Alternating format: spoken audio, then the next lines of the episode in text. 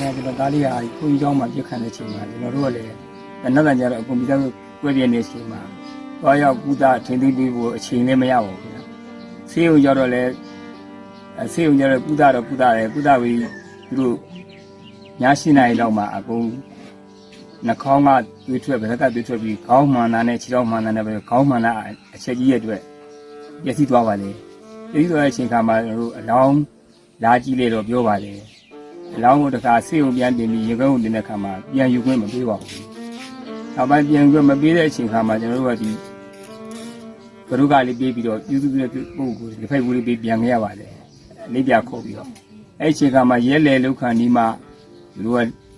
အလောင်းပြလာပြီလို့ပြောပါတယ်။ပြောတဲ့ခါမှာကျွန်တော်တို့ကမိုးလေဝသနဲ့တန်အောင်စင်နဲ့နောင်တန်အောင်စင်နဲ့မတွတ်တော့ဘူးနေပါပြီဆိုဆိုယူနေတော့ဆိုတော့ပြန်ပြီးပြန်ပြပါတယ်။ဒါလေးနဲ့ပတ်သက်လို့ဘုန်းကြီးကျောင်းဆိုတော့ဗုဒ္ဓဘာသာဝင်ဒီမှာ မြန်မာတို့ရဲ့အယူကောင်းသောအထိတ်မြတ်ရှိသောနေရာမှာလက်နဲ့နဲ့ပြစ်တယ်ဆိုတော့ကလေးတွေလည်းဒီပြောမှာအများကြီးကိုတည်ဆုံးတာအညီလည်းမခေါ်နိုင်ပါဘူး။သူ့ရဲ့အသားအတူစားရည်အိတ်ထောင်းနဲ့အိတ်နဲ့ထည့်သွားတယ်။အဲ့ဒါလည်းအညီမသိမိဘတွေလည်းအများကြီးရှိတယ်။အဲ့လိုဖြစ်ရတဲ့ခံရတဲ့ခါမှာနောက်နောက်ဒီလိုမဖြစ်ဖို့ကအများပြည်သူနဲ့ကျွန်တော်တို့ဝန်းနေလို့လည်းဆုံးမဘူးဆုံးဖြတ်ဖို့လည်းမရပါဘူး။ပြန်ဖို့ဖြတ်လို့လည်းမရပါဘူး။ဒီကလေးတွေဘဝရှိရဒီချိန်ကျကျတော့ငါခေါင်းဆောင်ကြီးတွေ မဖြစ်ဘူးလို့ပြောလို့မရပါဘူး။အဲ့လိုပြောဖြစ်သည့်အတွက်